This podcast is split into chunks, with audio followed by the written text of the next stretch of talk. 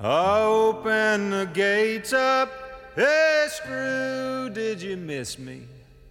Jimmy, I see that you found a new friend.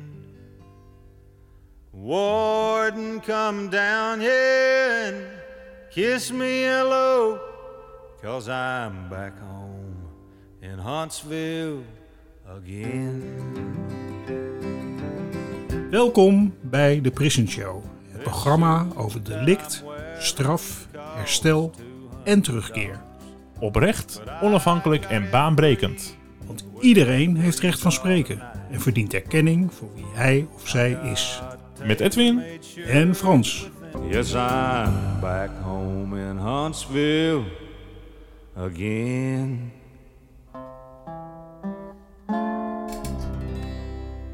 Microfoon gereed, internet gereed. We kunnen beginnen aan een, een nieuwe aflevering van de Prison Show. En eh, Frans, ik zie uh, wij zitten weer via Zoom, maar ik zie jou opeens in een hele andere omgeving. Dus ehm, nou ja, wel Ja, leuk, zo'n andere achtergrond. Ik heb de hele handen verplaatst naar de caravan, die bij ons nog op het terrein staat eh, vanwege de verbouwing. En eh, die we af en toe gebruiken voor familie en voor vrienden. En toevallig was er afgelopen eh, weekend was er iemand eh, uit de gevangenis die in deze eh, caravan heeft gezeten om aan zijn boek te werken. Ehm, dus we gebruiken hem voor van alles. Hartstikke, hartstikke fijn om hem te hebben. En er zit hier ook internet, dus ik dacht, dacht, dacht van, er is ook een mooie plek om de Prison Show te gaan doen. Een goede sound booth noemen ze dat dan. Ja. Zeker, Ja. zeker. Nou, het is een nieuw experiment. hey, wat, wat leuk. Ehm, ja, we gaan weer een nieuwe podcast opnemen. We hebben een gast daarvoor ook online. En zal ik eh, vertellen wie zij is? Cornelie van Wel is inmiddels met pensioen. Maar ze wil zich nu graag inzetten om een luisterend oor te bieden aan familieleden van iemand die in detentie verblijft. Ze heeft een broer die jarenlang in instellingen, onder ehm, andere twee TBS-klinieken, verbleef. En die ze altijd is blijven bezoeken. Hij zal de rest van zijn leven in een TBS-kliniek verblijven. Rond haar veertigste is Cornelie begonnen aan een universitaire beroepsopleiding tot humanisticus. De aanleiding was een heftige levenservaring. Een vriendin van haar gezin heeft haar twee kinderen gedood en daarna zichzelf. De vader van het gezin heeft een half jaar bij haar gezin in huis gewoond. En dat heeft haar leven behoorlijk gevormd. Ze schreef een boek dat hier zijdelings over ging. Na een aantal jaren begon ze met een eigen praktijk voor levensvragen en bleef ze schrijven. Al haar boeken gaan over sociale problematieken en de psychiatrie en gaan, op het laatste boek na, niet over Cornelie zelf. Ze zijn wel geïnspireerd op ervaringen uit haar eigen leven. Cornelie, van harte welkom. Dankjewel. Ja, om met de eerste vraag te beginnen. Ehm, je volgt bijna al een leven lang van heel dichtbij het leven van je broer. Mhm. En ehm, ja, zoals we weten en vaak tegenkomen, bestaan er ontzettend veel beelden en maatschappelijke oordelen over mensen zoals hij, hè, in zijn situatie. Zou jij kunnen beschrijven hoe jij zelf eh, naar je broer en zijn levenspad kijkt? Ja, kijk, mijn, mijn broer is eh, acht jaar jonger dan ik ben. En ik, Mhm. vanaf dat hij geboren was, was het al mijn baby. het klinkt een beetje stom, maar mijn ouders hadden het erg druk met een eigen zaak. Dus ik vond het heerlijk om veel voor hem te kunnen zorgen. Het is altijd, ik, ben altijd, ik heb altijd heel erg verantwoordelijk voor hem gevoeld. Maar wat mijn moeder ook zei, hij is altijd Mhm. anders geweest dan, dan wij. Hè. Ons gezin bestaat uit vijf kinderen. Eh, mijn broertje is de jongste. Hij was altijd anders. Hij was gefascineerd door vuur. Eh, hij had ontzettende wilde verhalen. Kinderen op school mochten vaak niet eens meer met hem spelen van hun ouders, omdat hij zulke verhalen vertelde dat ze, kinderen daar niet van konden slapen. Dus eh, het was, het was wel een zorgenkindje. Maar eh, ja, op zijn veertiende begon hij met drugs. En ja, dan gaat het natuurlijk een beetje de verkeerde kant op. Op zijn achttiende zat hij vast. Ehm, eigenlijk op zijn 24ste is de diagnose schizofrenie gesteld. En eh, ja, dus het was of kliniek of eh, detentie, of hij sliep op straat. En zo is dat eigenlijk gegaan. Tot, eh, ja, tot, tot even denken, hij is nu twaalf jaar geleden is hij weer in detentie gekomen. En ze zien, zit hij nog steeds vast. En dat blijft hij dus ook. En de, de reden daarvan was natuurlijk wel afschuwelijk. Er is wel iemand overleden door zijn hand. Maar ik ben hem altijd blijven zien als een patiënt, een jongen die ziek is, die een ziekte heeft. En uh, ja, het is en blijft mijn broertje. En hoe ervoeren jullie dat als familie uh, verder? Dat het steeds eigenlijk slechter met hem, met hem ging? Dat lijkt me ook een enorme impact op de andere gezinsleden te hebben. Ja, nou ja, dat is ook best ingewikkeld. Uh, onze vader was al uh, lang geleden overleden. Die heeft dat allemaal meegemaakt. Voor onze moeder was dit natuurlijk vreselijk. Hè? Mm -hmm. Ze had een kind wat een, een crimineel was. Daar praten ze dus ook niet over. Vanaf het moment dat hij dus het stempeltje schizofrenie kreeg, was het anders, want dan was hij psychiatrisch patiënt. Dat was iets makkelijker voor haar. Maar ja, voor mijn broers was dit ook best moeilijk. De een bezocht hem wel, de ander bezocht hem absoluut niet.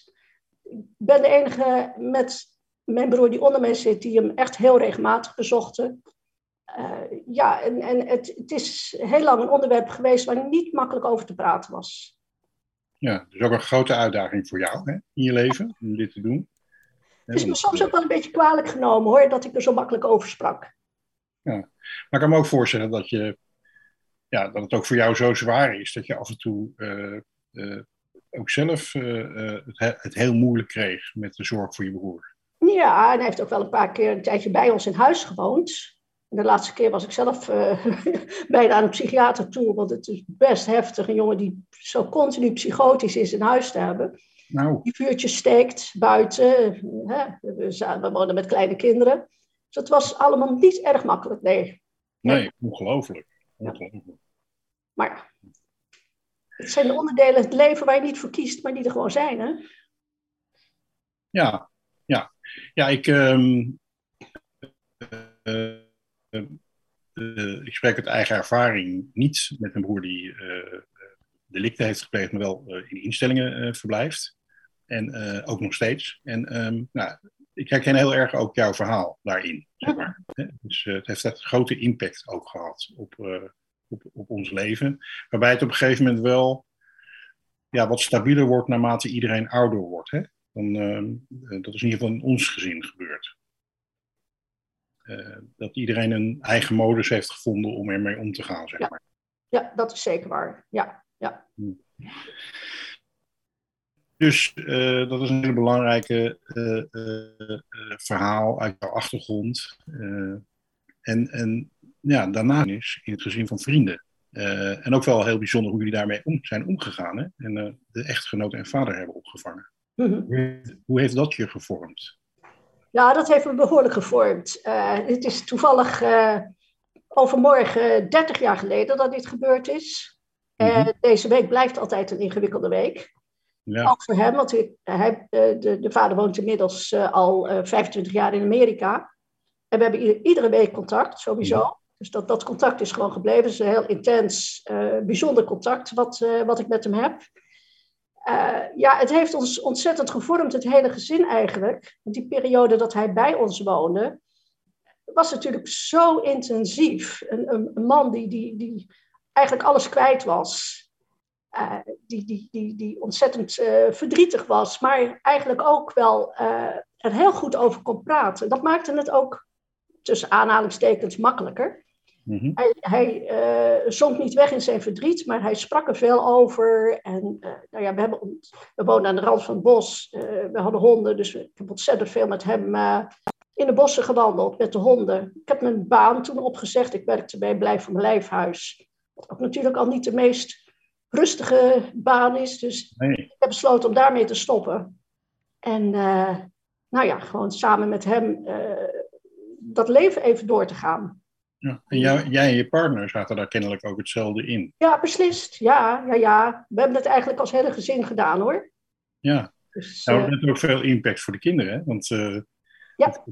de verhalen die je vertelt over je broer en over uh, de man die dit verschrikkelijke ja, trauma heeft opgelopen, mm-hmm. zou je kunnen zeggen. Ja, ja. Um, ja dat, dat neemt natuurlijk heel veel ruimte in beslag ook. Beslist, ja. ja. Het is voor de kinderen ook niet echt altijd heel makkelijk geweest. Ze waren gelukkig, het waren, uh, de, de, jongste was 12 toen.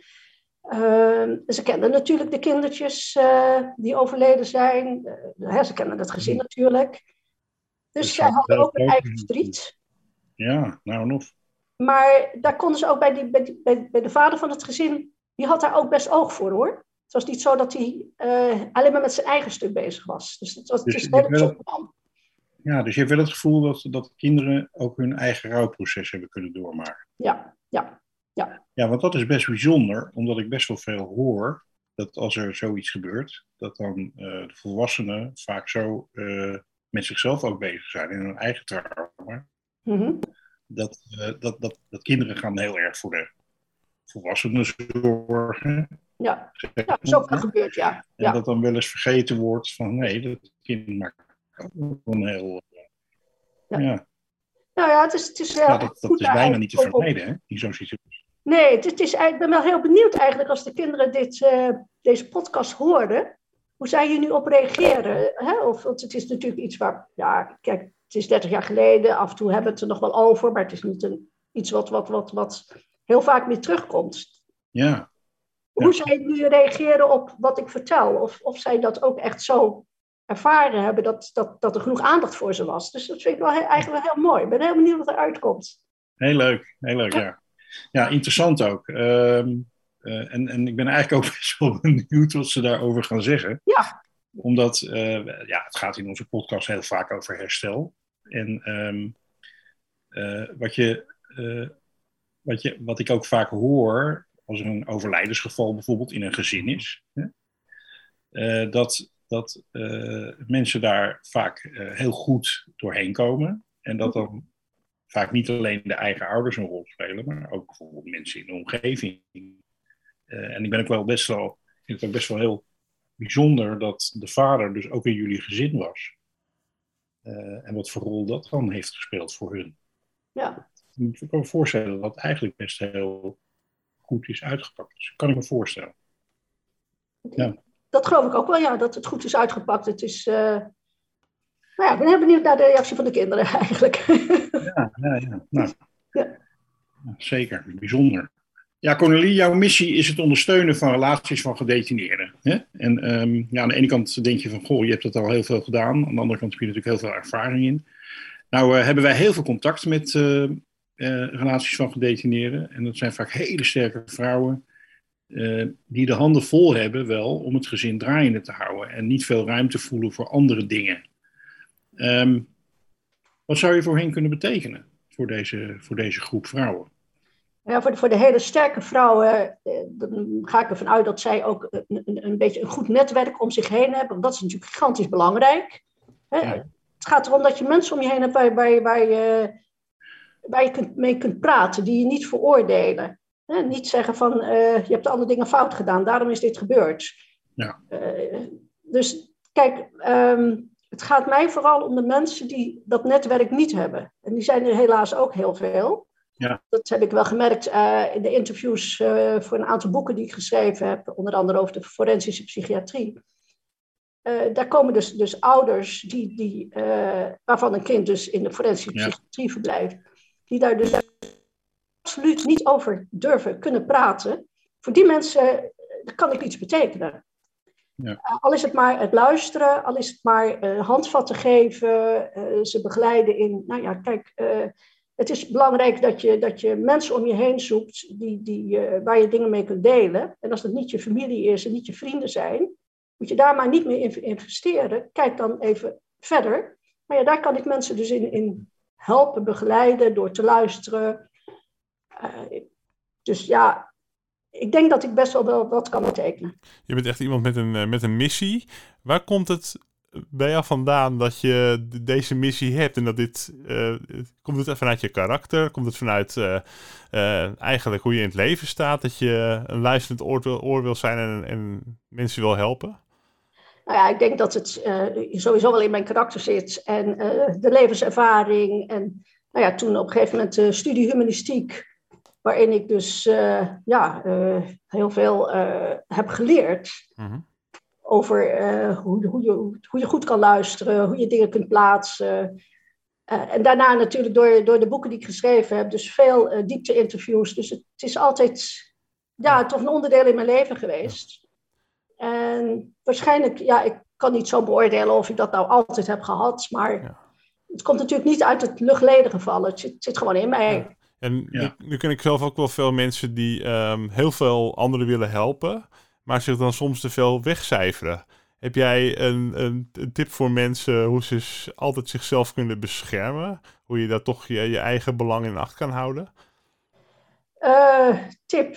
Ja, kijk, eh, belangrijk is ook voor degene die luisteren dat ze ook weer iemand hebben Mhm. die kan luisteren. Ja. Dat, ik denk dat dat belangrijk is. Ik heb gelukkig een partner waar ik eh, heel veel mee kan delen. Mhm. Dat, dat is gewoon heel erg belangrijk, dat je niet alleen met je verhaal blijft. En ook, kijk, toen ik natuurlijk mijn praktijk voor levensvragen had, eh, kijk, dan, dan kun je het, de verhalen die mensen jou vertellen, blijft natuurlijk tussen, mij en de ander. En dat is ook als ik eh, contact heb met eh, familieleden van mensen die in detentie zitten. Dat vertrouwen moeten ze hebben dat het tussen mij en de ander blijft. Daar praat ik dus niet over, maar ik kan wel vertellen dat ik hè, toch iets moeilijk, moeilijk heb gehad met, met iets wat iemand vertelde. Ik denk dat dat ook wel belangrijk is. Dat heeft ook een enorme impact op de hulpverlener of op, de, op degene die steun geeft in dit geval. Tuurlijk. Of ja, Ja, ja, ja, je moet altijd wel zorgen voor je netwerk. En kijk, als je natuurlijk in een eh, eh, hulpverlenerspraktijk zit, dan heb je altijd eh, eens in de zoveel tijd heb je contact met, met, met je mede Mhm. eh, Ja.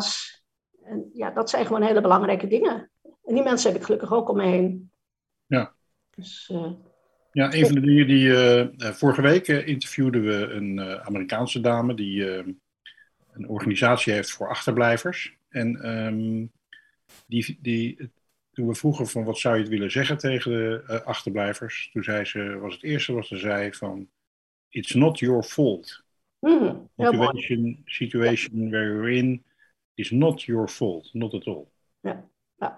En eh, ja, dat herken je kennelijk ook heel erg. Ja, dat is wat, wat, wat heel veel mensen eh, toch, toch het beeld hebben. Ik heb dus een boek geschreven over grootouders die geen contact meer hebben met hun kleinkinderen. Mhm.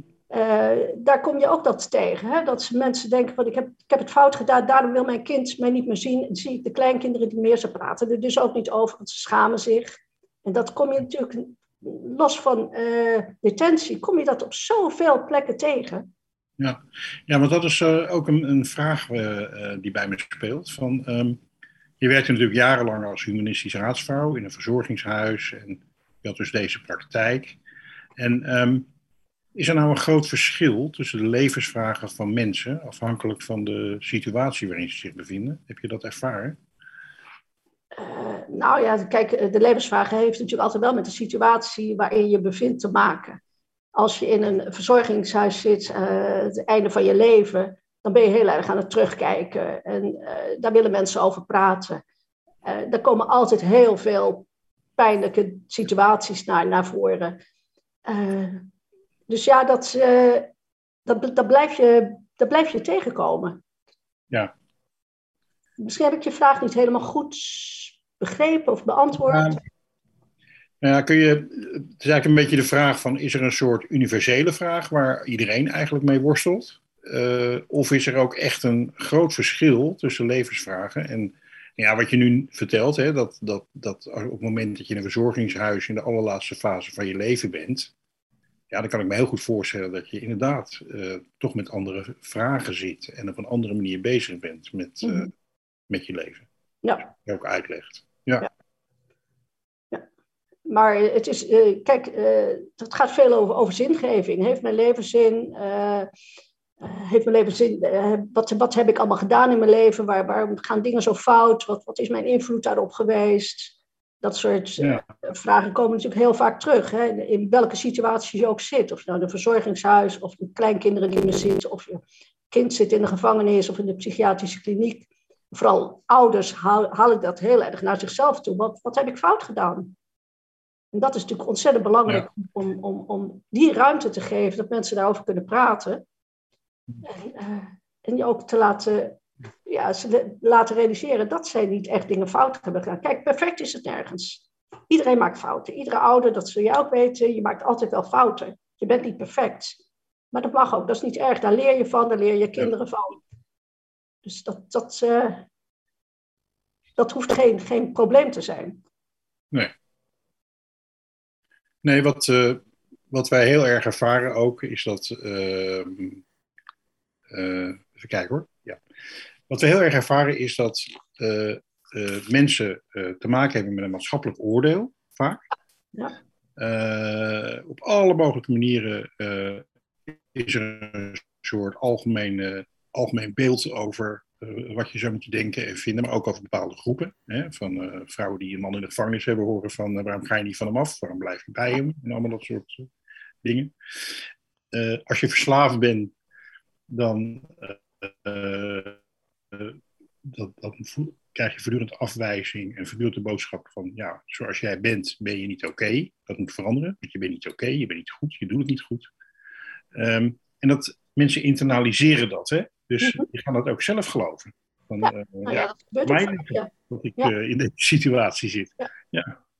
Als je dat maar vaak genoeg hoort. Zoals mijn moeder, eh, die, die wilde absoluut niet praten over, over haar jongste zoon die in detentie zat. Ja. Alleen haar, haar zus, die heel vertrouwd voor haar was, daar praten ze over.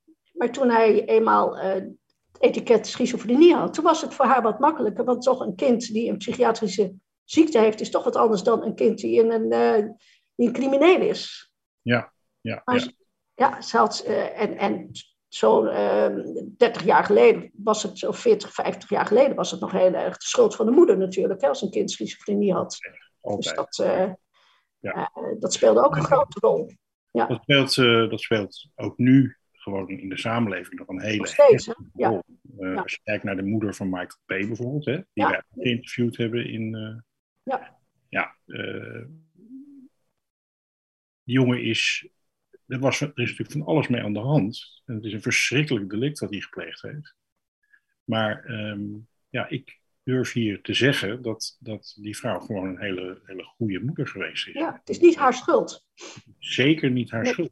maar haar omgeving, tenminste misschien niet de directe omgeving, maar eh, ja, de hele samenleving. Hè? Het is tot Ja. aan bedreigingen en Ja. het het is afschuwelijk, ja. ja. Dus eh, ja, en mad en bad. Hè? Dat, eh, dat is vaak de term die gebruikt wordt voor eh, mensen zoals jouw zoon. Of ja, zoals jouw broer, sorry. Ehm, ja, dan ben je en, dat is echt wel dubbel scoren. Hè? Want je bent en, en, en je bent een crimineel. Dus je doet verkeerde dingen. Maar je bent ook nog gek en gevaarlijk. En, Mhm. Ja, dubbelop. Ja, dan ben je echt, eh, ja, dan zit je echt in de categorie van. eh, Daar moet je van wegblijven. je broer heeft ook in allerlei instellingen gezeten. En je hebt ook met heel veel instellingen te maken gehad. Ja. Ehm, zou je iets kunnen zeggen over die, die instellingswereld? Wat, wat, wat zijn jouw ervaringen zo in het algemeen daarmee? Ja, dat eh, kan ik niet altijd heel erg positief over zijn. Het is wel zo, de ene ehm, ehm, instelling is, is echt wel anders dan de ander. Hij heeft een tijd in, eh, bijvoorbeeld in Vught gezeten. Nou, ik moet zeggen dat dat voor bezoekers een verschrikking was om daar te komen. Mhm. Eh, Je wordt, eh, nou ja, je wordt behandeld als, bijna als zelf als, als, als een crimineel. Dus dat is echt heel onprettig. Het is natuurlijk nooit leuk om naar een gevangenis op bezoek te gaan. Maar ze maken het er ook niet echt veel makkelijker op. Hij zit momenteel zit hij in een ehm, eh, TBS-kliniek. Die eh, op een afdeling speciaal voor mensen met schizofrenie. Ik moet zeggen, daar, dat, dat is gewoon een geweldige plek voor Hmm. hem. Al vindt hij nog steeds natuurlijk dat hij best op straat kan leven. Maar zeker voor, voor, voor bezoek. Het is, eh, het is allemaal wat soepeler. Het gaat, al, het gaat allemaal niet zo ingewikkeld. Eh, de bezoektijden zijn ook wat ruimer. Bijvoorbeeld als ik dat vergelijk met, met Vught. Of bijvoorbeeld met eh, Nijmegen, waar hij ook in de TBS heeft gezeten. Als je daar om, om 11 uur een afspraak had, dan hoefde je niet voor tien voor elf voor de deur te staan. Want je bleef gewoon buiten staan in de regen bijvoorbeeld. Ja. Het, is, voelt, het is al zo'n onprettige binnenkomst. Ja, wat, eh, ik vind het wel heel goed dat je dit vertelt. Hè? Want ehm, ik bezoek tegenwoordig als bezoeker ook eh, inrichtingen, waaronder Vught. Ehm, en, en zonder dan Vught eruit te willen lichten. eh, het is wel zo dat het vaak in hele kleine dingen zit. Die heel, eigenlijk heel groot zijn. Hè? Zeker in die situatie. Dus Het is al Ja. niet zo'n makkelijke stap om, om, om daar naartoe te gaan. En als je dan ook nog zo vreselijk onwelkom voelt, Ja. Ja, ze kunnen het gewoon veel makkelijker maken door alleen al zo'n ruimte even wat gezelliger te maken, bijvoorbeeld. Ja. Dus al die zo'n rij plastic stoeltjes, maar gewoon wat prettige stoelen, want je zit daar toch te wachten. En het, het is van alle kanten onprettig. En vergeleken met waar die nu zit, is het zo'n verschil. Ja. Ja. ja, heel belangrijk en ook heel fijn. En ook goed om te zeggen, omdat ja, het gaat gewoon om hele, hele basale empathie voor de situatie waarin eh, bezoekers bijvoorbeeld zijn, waarin gedetineerden zitten. Ja. Ik kan me herinneren dat ik, dat ik, dat ik eh, eh, op enig moment, in, in, toen het bij corona nog wat soepeler was, op bezoek was in een inrichting en dat eh, ook vanwege de corona eigenlijk de mensen in de bezoekzaal gefouilleerd werden voordat ze de gang op gingen. En hoe degene bij wie ik bezoek ging, echt door de grond ging. En zoiets had van, ja, er zitten hier gewoon kinderen. En die zien dan dat hun vader daar gefouilleerd wordt. Er was Ja, echt ja. heel duidelijk niemand daar ja. die, die, die, is daar die bij- helemaal niet nodig. Nee, die daarbij, die daarbij stilstond. Dat dit misschien wel de impact was. Ja. Ja. Terwijl ze toch ook zich moeten realiseren hoe belangrijk bezoek is voor de gedetineerden. Ja. Ja. Dus, dus het maakt ook voor de gedetineerden eh, het, het leven wat, wat prettiger als ze regelmatig contact hebben met, met hun familie of vrienden die op bezoek mogen komen. En als ze het zo moeilijk maken om op bezoek te komen, heeft dat toch effect. Ook over, over, over, over hoe, hoe, hoe de gedetineerde zich ontwikkelt in, de- in, in Ja. de bias. Hè? Ja, nou ja, goed. En het, het nare is dat eh, ik heb 40 jaar in gevangenissen gewerkt. Ehm, het is vaak niet de intentie van de mensen om, om dit zo te doen. Nee, dat geloof ik ook best hoor. Het, Het eh, is meestal, je hebt natuurlijk de beveiliging en er mogen geen drugs in. En eh, de orde, de rust en de, eh, de regels en allemaal dat soort dingen. En eigenlijk moet je als personeelslid van een eh penitentiaire inrichting steeds opnieuw ruimte terugwinnen van de opdracht die je hebt. Omdat, vanuit het besef dat het systeem waarin je werkt eigenlijk ertoe neigt om mensen niet als mensen te behandelen. Dus je moet echt zelf heel actief moet je dat doorbreken. Ik kan me herinneren dat er een keer was en dat er dan een, een personeelslid is die gewoon ontzettend aardig is voor iedereen en voorkomend. Hè? En even aandacht heeft, links en rechts. ja, dat is Ja. zo belangrijk. Dat maakt alle verschil. Ja. Maakt alle verschil. Ja, ik heb wel een aantal eh, penitentiaire inrichtingswerkers eh, geïnterviewd voor, voor, voor een paar boeken. Mhm. Ehm, en nou ja, dat waren eigenlijk allemaal prima mensen. Hè? Gewoon eh, die, die, die heel goed bezig waren, bewust hebben gekozen voor dit werk.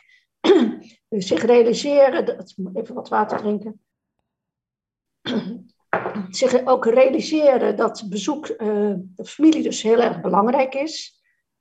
maar ja, dat waren de mensen die geïnterviewd wilden worden. En eh, ik heb bijvoorbeeld ook een, een, voor een ander boek een dag meegelopen op een eh eh, longstay afdeling. Op meegegeten met de mensen en zo. En dat, daar, dat was eigenlijk ook een prima om daar eens een dag te zijn. En nou, het kan best dat iedereen dan erg zijn best doet, omdat er toch iemand komt die over ze gaat schrijven. Ja. Maar, eh, dus ik heb ook wel hele goede ervaring hoor, met, met, met Ja. PI-werkers. Ja, het is heel verschillend. Hè? Het is heel verschillend. Het is natuurlijk ook afhankelijk van het, van het management en van de hele situatie en de, de geschiedenis van zo'n inrichting. Mhm. Zeker als het gaat om, om uh, lang gestraften, ontstaat er toch wel vaak een, een, een, eh, een soort community van en personeel die elkaar wat beter kennen, hè, wat langer kennen ook. En nogmaals, ehm, het bijzondere vind ik dat. eh, ik had bijvoorbeeld een boek geschreven hè, dit jaar, en waarvan ik dacht dat het best wel is behoorlijk tegen de huidige repressieve lijn ingaat. Maar een heleboel mensen die ik echt wel beschouw als aanhanger van die repressieve lijn, die het gelezen hebben, die ook bij justitie werken, die zeggen allemaal van ja, maar dat is precies eh, zoals ik er ook over denk. Mhm. Uh, en en dan, toen dacht ik van ja, misschien gaat het wel niet over de intenties, want misschien, uh, en de drijfveren, hè, dat mensen toch wel. Die zijn allemaal goed, hè? Ja. Dat is Ja. allemaal goed. Het gaat misschien ook wel gewoon over, en, en wat doe jij dan zelf daarmee? Kom je tot handelen? Of zeg je van ja, die minister heeft besloten dit, of mijn baas zegt dat, of Ja. ja. ik ben bang dat ik problemen krijg, of Ja, ook dat speelt ook mee natuurlijk, hè? Ja. allemaal dat soort argumenten, waardoor je eigenlijk niet doet wat aanvankelijk je intentie was. Ja. Ja, Ja. dat is goed door jouw boek. Is wel goed dat door jouw boek daar nu over nagedacht wordt, hè? Mensen ja, vind ik, heel erg, uh, vind ik heel leuk. Dat is echt uh, de bedoeling, dat, ja. uh, en dat is natuurlijk ook van deze podcast, ja. de bedoeling om de discussie eigenlijk aan te wakkeren. En, en te zorgen dat mensen er is, ja, naast het, wat je op de televisie ziet en zo, ook een beetje, een beetje primair, de, de, eerste primaire reactie die ik ook heb hoor. Als ik geweld zie op de televisie, of, ah, is van, afschuwelijk. Ja. Weet je wel? Maar dat mensen ook even gaan nadenken van ja, waar zijn we als samenleving mee bezig en hoe zouden we daar beter op kunnen reageren? Wat zou ik daaraan kunnen doen? Ja, ja. ja vandaar dat, dat ik ook denk, uh, ontzettend uh, uh, fijn dat, dat je een aantal boeken over geschreven hebt. Hè? Iemand met jouw ervaring en achtergrond. Mm -hmm. Dus um, het is misschien wel, je hebt er een aantal geschreven. Tien boeken. Ja. Tien boeken. En um, nou, als we nou eens kijken naar de, naar, uh, de groep van de achterblijvers, hè? Mm -hmm. uh, het algemeen, die nu luisteren. Ja. Uh, welk boek zou je hun adviseren om te lezen? Dat, dat je denkt van. Ehm, nou, ik heb bijvoorbeeld een, een, boek over de forensische psychiatrie. Dat heet Een kwetsbaar mens. Mm -hmm. Daar heb ik dus ook familieleden geïnterviewd van mensen die dus in de forensische psychiatrie, dus over hun ervaring, hoe dat allemaal zo gegaan is, hoe, uh, hoe de contacten zijn. Uh, kijk, dat kan heel goed om te, zijn om te lezen van, oh jeetje, ik ben dus niet de enige, hè? Ik, zo heb ik dat ook ervaren. Mm -hmm. Er zitten bijvoorbeeld ook verhalen bij van mensen die dus in de forensische psychiatrie werken. En dat is ook goed om te lezen hoe zij daarmee omgaan. Hè? Dat het ook allemaal niet zo makkelijk is voor ze en dat ze ook wel echt hun best doen. Dus dat, dat kan, uh, al mijn boeken hebben dat trouwens, dat ik altijd niet alleen uh, mensen die direct betrokken zijn, maar ook uh, mensen die werkzaam zijn in de instelling of in ieder geval professionals interview om ja. verschillende kanten te laten horen. Ja. dus dat, dat, kan een, dat kan een interessant boek zijn. Het kan ook zijn dat mensen. Oh, die verschillende kanten. Nog meer ellende. Ja. ja, het is heel goed dat je die andere kant ook doet, want, want er heerst vaak ontzettend veel onbegrip bij bijvoorbeeld achterblijvers over de manier waarop personeel reageert en met dingen ja. Ja, precies. En die ja. maken natuurlijk dezelfde dingen mee als die jij hebt meegemaakt als bezoeker. Ja. En dan is het ook goed om wat meer te, te, te lezen of te horen van, de, ja, van, van, van waar het nou vandaan komt allemaal. Hè? Ja. En hoe die mensen in hun werk zitten en zo. Ja. En dat, dat geldt dus voor de, voor de achterblijvers. Heb je ook nog een tip voor mensen die uh, in de gevangenis gezeten hebben? Zou die ook dat boek het beste kunnen lezen? Of, um... Nou ja, kijk, het, het zou voor hun misschien wel interessant zijn om, om eens te lezen hoe, hoe dat voor familieleden kan zijn. Hè? Dat, ze weten natuurlijk wel Ja. hoe, hoe hun eigen familie Ja. ermee omgaat, maar hoe het voor anderen is. Ik heb bijvoorbeeld ook een boek geschreven dat heet Van Lood naar Goud. Eh, Dat, dat kan ook wel interessant zijn voor eh, mensen die eh, in detentie hebben gezeten. Dat zijn dus verhalen van mensen die dus een hele intensieve levenservaring hebben doorgemaakt. Onder andere dus ook iemand die in de gevangenis heeft gezeten. En dat, dat is dan het lood. En die hebben er goud van gemaakt. Die hebben er iets mee gedaan. Anderen geholpen bijvoorbeeld. Op wat voor manier dan ook. Dat kan natuurlijk ook interessant zijn om te lezen. Van hé, hey, ik kan ook iets positiefs doen. Hè? Wat de mensen die jullie, voor jullie podcast verschijnen, ex-gedetineerden dus ook doen. Die doen ook iets positiefs mee. Die, ge- die gebruiken hun ervaring om anderen toch min of meer te helpen of te laten horen hoe, hoe ze verder kunnen. Zeker, zeker. Je hebt verteld over je, je rijke achtergrond en ervaring en over, de, over je boeken. Ehm, je hebt ook verteld dat je, dat hebben we ook eh, in de inleiding gezegd, dat je, dat je iets wil doen ehm, richting de achterblijvers. Mhm. Kun je dat iets concreter maken? Hè? Waar denk je dan aan? Denk je dan aan eh, ja, gesprekken of ergens afspreken? Of eh, en hoe kunnen mensen jou bereiken? En dat soort dingen. Ja. Nou ja, kijk, mensen kunnen mij bereiken via, via jullie eh, website. Dus daar staat mijn e-mailadres en volgens mij ook mijn telefoonnummer op, maar in ieder geval mijn e-mailadres. Ik ben daarin dus vrij flexibel. Als mensen het prettig vinden om ergens af te spreken, of als mensen het prettig vinden om alleen de telefoon of via Zoom, dat kan allemaal. Het, is, Ja. kijk, als, het, het gaat niet om mij, het gaat om die ander. En wat de ander prettig vindt, en daar ga ik dan in mee. Ja. Voor zover mogelijk. Ja. Dus dat kan allemaal. Dat klinkt als een heel uh, uh, genereus aanbod. En, uh, ik kan me heel goed voorstellen dat mensen na het luisteren van dit interview, wat we natuurlijk ook op de site van de achterblijvers gaan plaatsen en dat soort dingen. Ik kan me heel goed voorstellen dat er mensen zijn die hier gebruik van maken. Ik hoop het eigenlijk ook. Mm -hmm. Nou, het zou mooi zijn. Ja. We hebben het vaak ook, het is niet makkelijk, zeg maar, voor velen. Nee. Om in die situatie te zitten. Nee, het is absoluut niet makkelijk. Nee. Überhaupt gewoon je verhaal kwijt kunnen is gewoon al iets, uh, iets wat, wat heel erg goed kan doen. Ja, bedoel, ik kan het natuurlijk niet voor de mensen oplossen, maar gewoon het, iemand die, die naar je luistert, dat is al zo'n goed begin. Dat je je verhaal ja. kunt vertellen.